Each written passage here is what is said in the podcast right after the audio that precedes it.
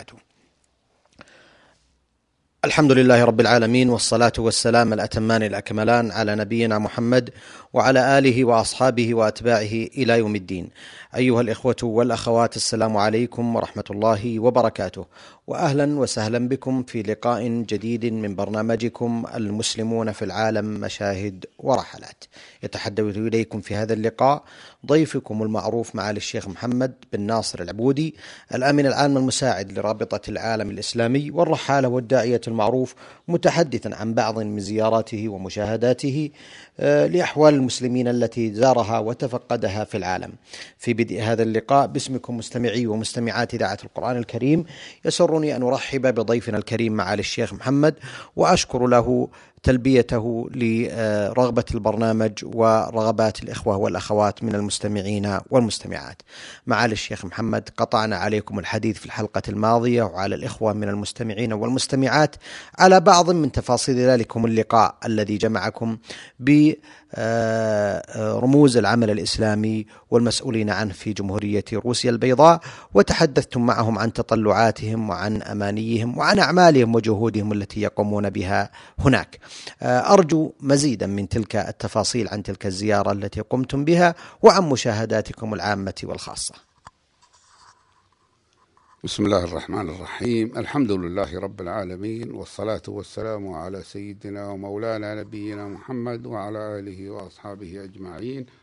أما بعد فإن الحديث كما كرمتم أيها الأخ الكريم الدكتور محمد بن عبد الله المشوح كان في الحلقة السابقة يتعلق بالاجتماع مع زعماء المسلمين في روسيا البيضاء.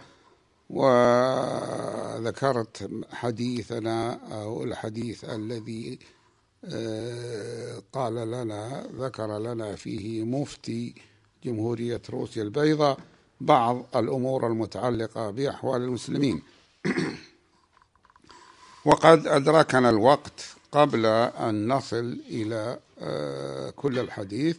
فنقول إنه بعد ذلك قدم إلينا أبو بكر شعبانوفيتش رئيس الجمعية الإسلامية في روسيا البيضاء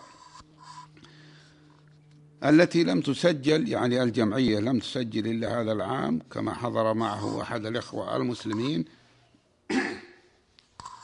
وأخبرتهم أن رابطة العالم الإسلامي يسرها أن تتعاون معهم في أمور دينهم فتقدم ما تستطيع تقديمه من مساعدة للمشروعات الإسلامية التي يودون القيام بها وسوف نبحث معهم ذلك فيما بعد على ضوء ما سوف نشاهده في بلادهم بإذن الله. وفي الختام اتفقنا معهم على برنامج الزيارة والمدن التي نزورها في داخل روسيا البيضاء ابتداء من صباح الغد بإذن الله وكان اجتماعنا بهم في المساء. وفي الغد آه، من ذلك اليوم ويوافق الثاني عشر من شهر ربيع الثاني عام 1415 بدأنا الجولة في داخل روسيا البيضاء والكلام على آه، المدن وعلى المساجد وعلى القرى التي سنزورها لأن الزيارة تشمل زيارة مدن وقرى عديدة في روسيا البيضاء. بدأت الجولة في الساعة التاسعة والنصف صباحا وكانت بصحبة الأخ أبو بكر شعبان وفيتش رئيس الجمعية الإسلامية في روسيا البيضاء. أما المفتي فلم يحضر معنا. وينطقون بالاسم شابانوفيتش لأن العين يصعب عليهم النطق بها وهو مدير مدرسة حكومية ثانوية تدعمها السفارة الأمريكية لكونها تدرس اللغة الإنجليزية وهي مدرسة لا يستطيع الدخول فيها إلا أبناء كبار القوم. إضافة إلى كون الأخ شعبان هو زعيم الأقليات القومية في البلاد ومعنا الأخ الذي لا يستغنى عنه هنا الأستاذ الدكتور عمار البحر لأنه هو المترجم وهو مدير مكتب مؤسسة سار التي تابعة لمؤسسة الراجحي في روسيا وفي روسيا وفي روسيا البيضاء أيضا وهو رئيس هذا آه، المكتب في روسيا البيضاء ووجود الأخ عمار البحر ضروري لأنه المترجم الذي بدونه لا نستطيع التفاهم مع هؤلاء الأخوة المسلمين. وقد ترك الأخ شعبان عمله في المدرسة قائلا غياب يوم عن العمل لا يضر به. لا سيما أنني حضرت إلى المدرسة في أول الصباح. أما مجيء إخواننا الضيوف من مكة المكرمة فإنه لا يكون في كل يوم وكان يخاطب بذلك الأخ عمار البحر والأخ عمار أخبرنا به وأبعد هدف لرحلة اليوم هي مدينة جرودنا التي تبعد 271 كيلو مترا عن منسك للقاصد غير أننا يعني إذا ما قصدها الواحد رأسا من منسك تبعد 271 كيلو غير أننا سنمر بعدة قرى ومدن في أيمن الطريق وأيسره. لذلك ستكون مسافة طريقنا إليها بعيدة ستكون مسافة طريقنا إليها بعيدة. خرجنا من وسط مدينة منسك عاصمة روسيا البيضاء الذي يقع فيه فندقنا فندق منسك مع ضواح جيدة.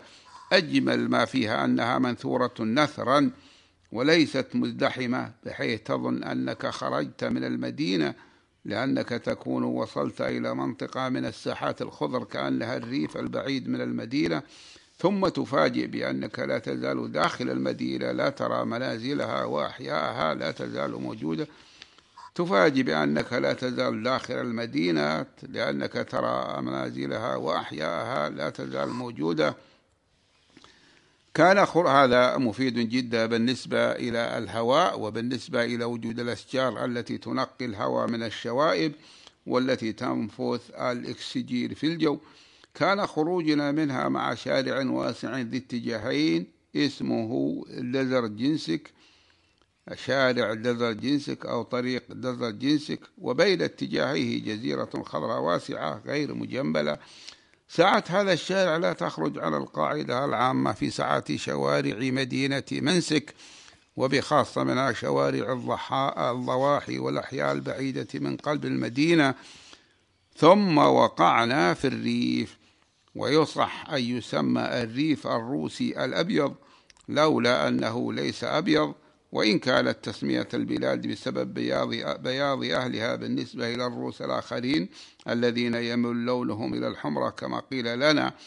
ورأيت مما استرعى انتباه جماعة من الناس من بين رجال ونساء وقد جلسوا على الأرض دون وقاية أو فراش بجانب الطريق الإسفلتي ينتظرون من يحملهم إلى الأماكن التي يقصدونها وأخبرنا المرافقون أنهم قد يجلسون مدة طويلة وذلك لكونه لا يوجد نقل عام منتظم إلى الجهة التي يريدونها. بطبيعة الحال هذا شيء مؤقت. كما قلنا على الاقتصاد الذي خرج من الشيوعية ولم يزدهر تحت الاقتصاد الحر ولكنه في طريقه للاقتصاد قالوا إن الناس كانوا ينتظرون الحافلة الحكومية التي تتأخر أحيانا كما أنه لا توجد سيارات سيارات أجرة تحمل الناس بأجرة للشخص الواحد إلى المكان الذي يريده ولو وجدت لم يستطع دفع أجرتها بحسب الأسعار الحالية لأجور السيارات وبحسب رواتب الموظفين ودخولهم المتمن المتدينة. التي لا تسمح لهم بالحصول على سيارات أجرة إلا لأقلية منهم لا تكاد تذكر. مع العلم بأن القوم مظهرهم مظهر الأوروبيين الشماليين الذين وقر في أذهاننا وأمثالنا أنهم من الأغنياء أو على الأقل من غير الفقراء فهم بيض الألوان شقر الشعور في الغالب.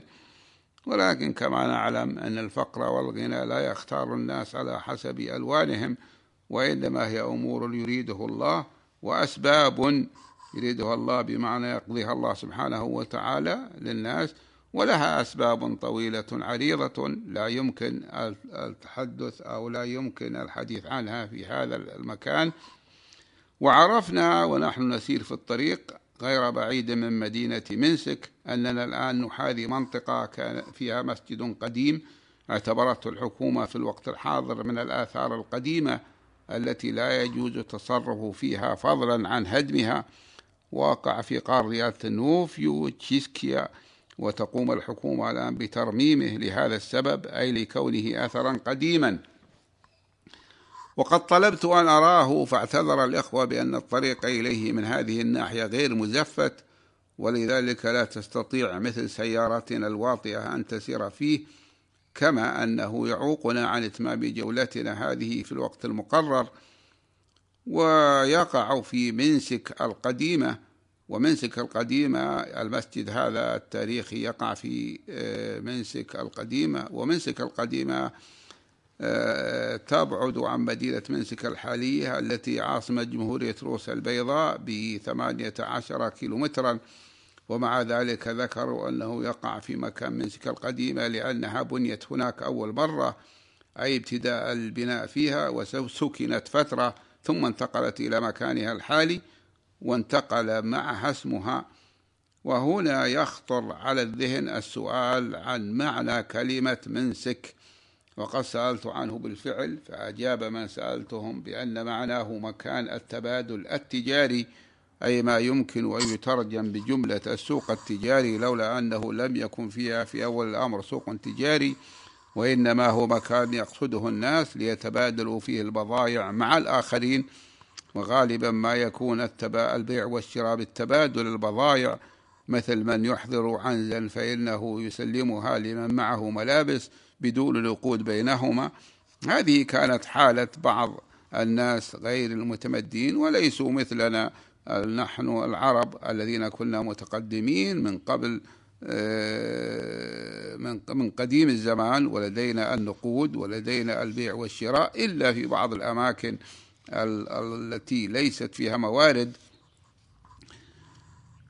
قيل أيضا قيل لنا أيضا أن منسك سميت بهذا الاسم لكونها واقعة على ملتقى الطرق التجارية وعلى نهر منك الذي سار يسمى نهر جن ولا يسمى نهر منك. وأكثر ما في هذا الريف ظهورا هو أشجار التفاح الأبيض الذي تنعكس أشعة الشمس الصباحية على ثماره فيبدو ناصعا أو كالناصع بين الأوراق الداكنة الخضرة. ويعتبر هذا الشهر الذي نحن فيها الآن والمقصود بكلمة الآن عندما كنا نزور روسيا البيضاء في ذلك اليوم يعتبر الشهر وهو سبتمبر والشهر الذي بعده وهو شهر أكتوبر شهر التفاح في هذه البلاد وذلك لكثرة انشغال الناس بتصديره إلى ما كان يسمى بالاتحاد السوفيتي سابقا إضافة إلى خزن ما يمكن خزنه منه على ضعف وسائل تخزين الفاكهة عندهم.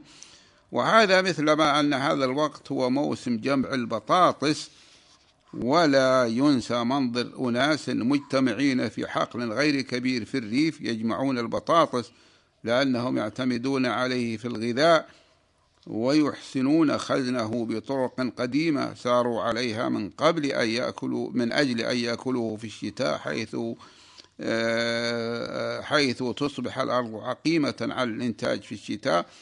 ورأيتهم يجمعون ورق البطاطس ينتفعون به علفا جيدا للماشية. والمنطقة كلها حقول خضر تتحل تتخللها مساحات خضر والمنطقة كلها حقول خضر تتخللها مساحات خضر إلا مزارع القمح القديم الذي حصدروه فإنها صفراء لماذا؟ لأنه بقيت أجزاء من قصبه صفراء يراها الإنسان على البعد وكأنها زهور مجتمعة صفر ولكنها هي قصب القمح أو بقايا قصب القمح الموجود المزروع بعد أن حصدوا القمح. ثم مررنا بمزرعة واسعة من مزارع التفاح أظنها حكومية لأن البلاد لا تزال تسير على الطريقة الشيوعية فيما يتعلق بهذه الأمور وفيما يتعلق بملكية الأرض وقد تغير هذا فيما بعد. والمزرعة واسعة فيها جماعات كثيرة من الناس يجمعون أو قل يقلعون البطاطس ثمار البطاطس. وقد أخبرنا المرافقون أن موسم جمع البطاطس هو من أهم المواسم عندهم حتى إن طلاب المدارس يشتركون فيه لكون البطاطس غذاء شعبيا. ويخشى عليه من الأمطار إذا نزلت وقد ترك في مكانه بعد نضجه. وقد صورت موسم الجداد عندنا الذي هو قطع عذوق التمر من النخل عندما يحين ذلك. وإذ يكون موسما للفلاحين يجتمعون عليه ويعمل معهم فيه من لا يملكون تمرا فيشبعون منه وينالون نصيبا ولو قليلا يدخرونه. والقصد من ذلك السبب لأجل تخليص التمر من الشماريق أخذه من الشماريق. وتخليصها من الأعذاق وهذا الجداد وذكرني هذا بمنظر رأيته أكثر من مرة في أذربيجان سواء في العاصمة باكو أو ما حولها وهو منظر اجتماع الناس ومنهم تلاميذ المدارس على لقط ثمار الزيتون. فثمار الزيتون كما نعلم صغيرة ولا يستطيع العمال أن يلقطوها فالناس يجتمعون وتعطل المدارس لهذا الغرض. فيخرج الطلاب يسهمون في لقط ثمار الزيتون في أيام معينة من موسمه. مر الطريق ببلدة صغيرة اسمها آه، آه، درز جنسك هي التي أشرنا إليها عندما ذكرنا أن الطريق الذي يخرج من العاصمة اسمه طريق آه، درز جنسك. لكونه يمر بها ويبلغ عدد سكانها ثلاثين ألفا وليس فيها مسجد بل إن عدد المسلمين فيها قليل. وقد فسد الطريق بمحاذاتها فصار ضيقا تحاصره الأشجار الضخمة. وهذه عادة رأيناها في مدن الاتحاد السوفيتي السابق حيث يكون الطريق واسعا قبل الوصول إلى القرية أو البلدة الصغيرة حتى إذا دخلها ضاق ثم إذا فارقها اتسع. وذلك لكونهم لا يهدمون البيوت لئلا تكون الحكومة مضطرة لبناء بيوت لأهلها تعويضا لهم عن هدمها. وأما توسعة الطريق في خارج المدينة فإنه بالمجان لأن الحكومة الشيوعية هي وحدها التي تملك الأراضي دون سائر الناس إلا أشياء لا تكاد تذكر. وقد اتسع الطريق بالفعل بعد مرافقة درج جنسك إلا أنه أصبح ذا اتجاه واحد يفصل بين السيارات المتقابلة فيه خط أبيض. هذه المنطقة التي نسير فيها كانت منطقة غابات ملتفة في الماضي ولكن أهل البلاد قطعوها من أجل التوسع في الحقول الزراعية وبقيت منها على حافات الطريق وفي أماكن ضيقة قطع من الغابات الكثيفة وقد استرعى انتباهي منها أوراق حمر وصفر في أطراف الأشجار. وبخاصة ما كان منها تلقاء الرياح الشمالية إذ بدأت بها الصفرة وأحيانا الحمرة التي تصيب أوراق الأشجار في الخريف قبل الصفرة التي تعني موتها أي موت الأوراق ثم سقوطها.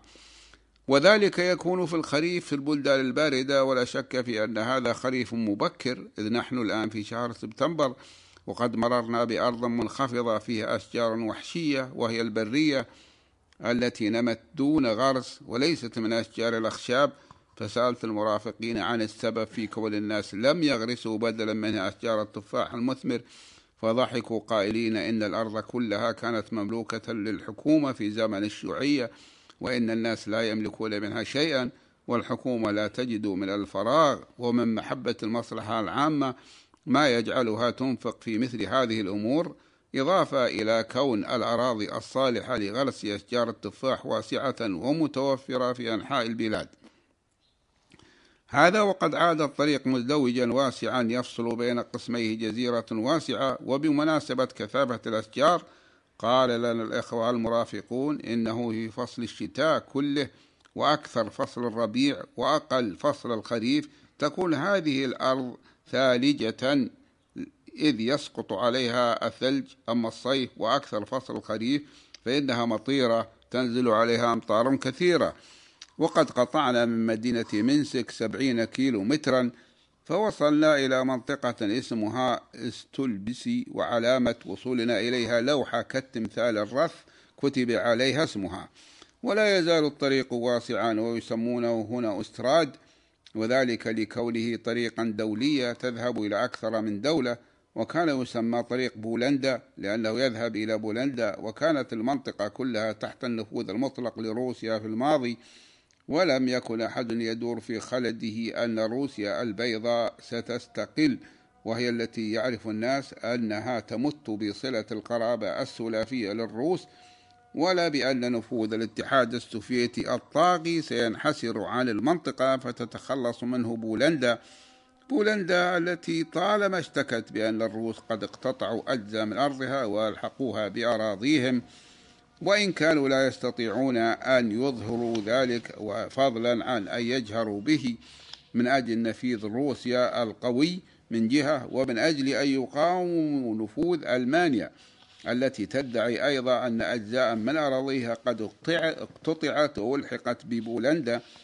ورأينا قطعانا من الأبقار كثيرة العدد فأخبرنا الإخوة أنها تابعة لأحد الكلخوزات وهي المزارع الجماعية التي أنشأها الشيوعيون ولا يزال بعضها موجودا وذلك لكون الأهالي لفقرهم لا يستطيعون أن يقوموا بالمشروعات الاقتصادية المتوسطة فضلا عن الكبيرة لأنها تتطلب رساميل ضخمة في الوقت الحاضر. ومع كثرة الأبقار في المنطقة فإنني عندما أمعن الطريق في الريف ورأيت كثافة الأعشاب والمراعي الجيدة فيه شعرت بأن المواشي هنا قليلة بالنسبة إلى هذه الإمكانات الضخمة لتربيتها وإن كنت أعرف أنها تحتاج إلى خزن مقادير من الأعلاف والأعشاب الصالحة لها لفصل الشتاء الطويل الذي تنزل فيه الثلوج بكثافة ولا تستطيع الأبقار ونحوها أن ترعى فيه كما ترعى الآن. ولم أستطع أن أفهم شيئا من اللافتات الموجودة على الطريق لأنها بالحروف السيريلية المعروفة عندنا بالحروف الروسية ويسمونها هنا الحروف السلافية ويذكرون أنها جاءتهم من بلغاريا أما الأرقام فإنها أرقامنا العربية التي يعرفها الأوروبيون بأنها الأرقام العربية بل العالم كله يعرفها بهذا الاسم ونحن نسميها الأرقام الإفرنجية كأنما لنبرأ من شرف إهدائها إلى العالم مع أنها هي الأرقام المستعملة في شرق الأرض وغربها مثل الصين واليابان وروسيا فضلا عن العالم الغربي كله وكانت نشأت عندنا وهي أرقامنا ولا يزال أهل المغرب العربي وبخاصة المملكة المغربية يعني المغرب الأقصى لا يزالون يستعملونها وحدها. ومر الطريق فوق جسر على نهر صغير يسمعه نيوما يذهب إلى بحر البلطيق الذي يخترق جمهورية روسيا البيضاء ثم يصب في البلطيق على مسافة ستة كيلومترات من الحدود. ومما يذكر بهذه المناسبة أن جمهورية روسيا البيضاء تعتبر من البلدان المغلقة التي ليست لها سواحل وشواطئ بحرية ويشق هذا النهر أرضا خضراء جميلة غارقة بالأعشاب النضرة وبالحقول التي تشرب كلها من مياه الأمطار ولا تحتاج إلى الري من الأنهار. وقد اعترض الطريق جسر تمر فوقه السيارات وهو رديء المظهر لا يدل على القوة.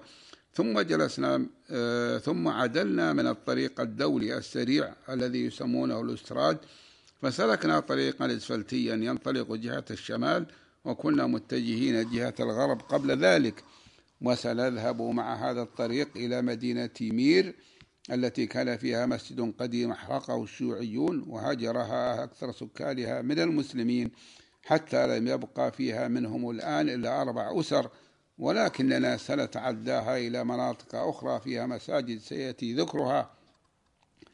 ومما يجدر ذكره أن الحكومة لا تمانع الحكومة الروسية البيضاء إن صحت النسبة لا تمانع في إعادة بناء المسجد أو بناء مسجد جديد في كل أنحاء الجمهورية ولكن ذلك يحتاج إلى تأليف جمعية رسمية لا يقل عدد أعضائها عن سبعة أشخاص ثم إلى قدرة مالية على البناء والأهم من ذلك الرغبة القوية والحافل الفعال لبناء المسجد والمساعدة من أخوتهم المسلمين القادرين على تقديم المساعدة.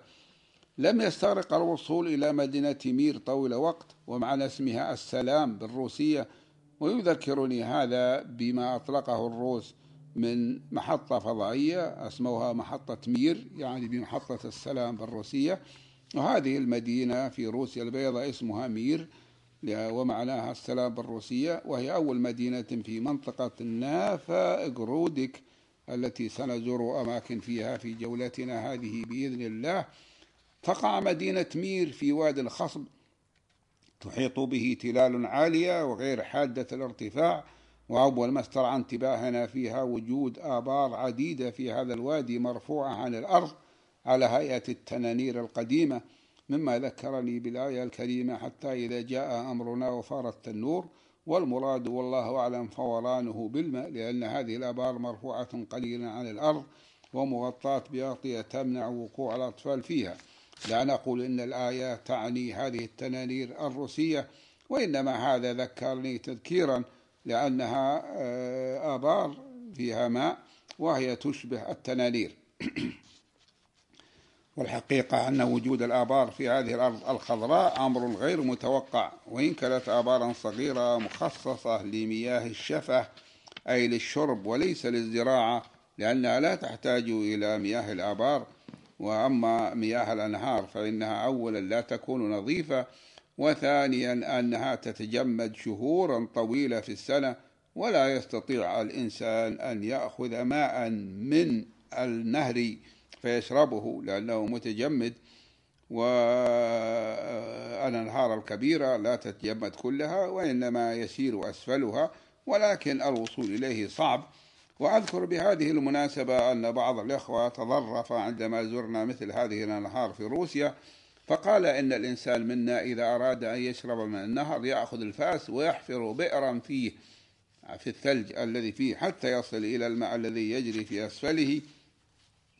وقال لي آخر إننا إذا أردنا أن نجلب ماء للشرب وليس عندنا نهر يجري أخذ الواحد منا فأسا كأنه يريد أن يحتطب يكسر به الثلوج القوية المتراصة ثم يسخنها ويدنيها إلى الماء وهي لا تصلح للشرب إلا للاستحمال لغير الشرب. هكذا قالوا وهم الخبرة ولا نعرف ذلك. ومن الأشجار هنا أشجار التفاح الأبيض التي رأيناها مثقلة بثمارها ورأيت واحدة منها قد وقع جزء من تفاحها من ثمار التفاح في الأرض. فلم يجد من يأخذه لكثرة التفاح الأبيض ورخص ثمنه في هذا الوقت. ومن معالم مدينة مير هذه حصن عظيم أحمر الطلاء بني في العهد الليتواني عندما كانت مملكة ليتوانيا وبولندا تحكم هذه المنطقة وقد حافظوا عليه بل رمموه وأصلحوه.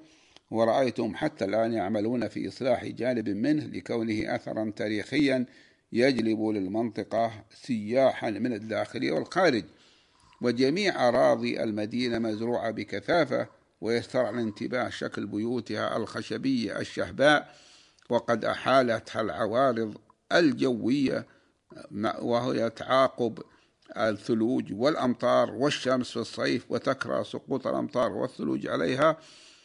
أكسبها ذلك اللون الأشهب الرمادي.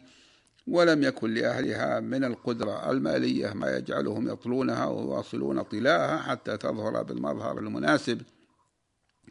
ويمر بالمدينة نهير صغير لا تحتاج إليه ولا تعتبر مدينة كبيرة إذ لا يزيد سكانها على خمس وثلاثين ألف نسمة وهي زراعية ليست فيها مصانع. ولذلك تبدو متسعة لأن قسما من أراضيها مزروع بالحقول المتسعة. أحسنتم على الشيخ محمد. أستأذنكم أيها الإخوة والأخوات في أن نتوقف عند هذا الحد حيث أن وقت الحلقة قد شارف على الانتهاء. رجينا أن نلتقي معكم بإذن الله تعالى. وبكم في مثل هذا اليوم من الأسبوع القادم مع ضيفنا الكريم معالي الشيخ محمد بن ناصر العبودي الآمن العام المساعد لرابطة العالم الإسلامي والذي كان يتحدث إليكم عن زيارة وجولة ورحلة من رحلاته والتي كانت إلى جمهورية روسيا البيضاء. نلقاكم أيها الإخوة والأخوات على خير في مثل هذا اليوم من الأسبوع القادم. وهذه تحية من محدثكم محمد بن عبد الله مشوح. والسلام عليكم.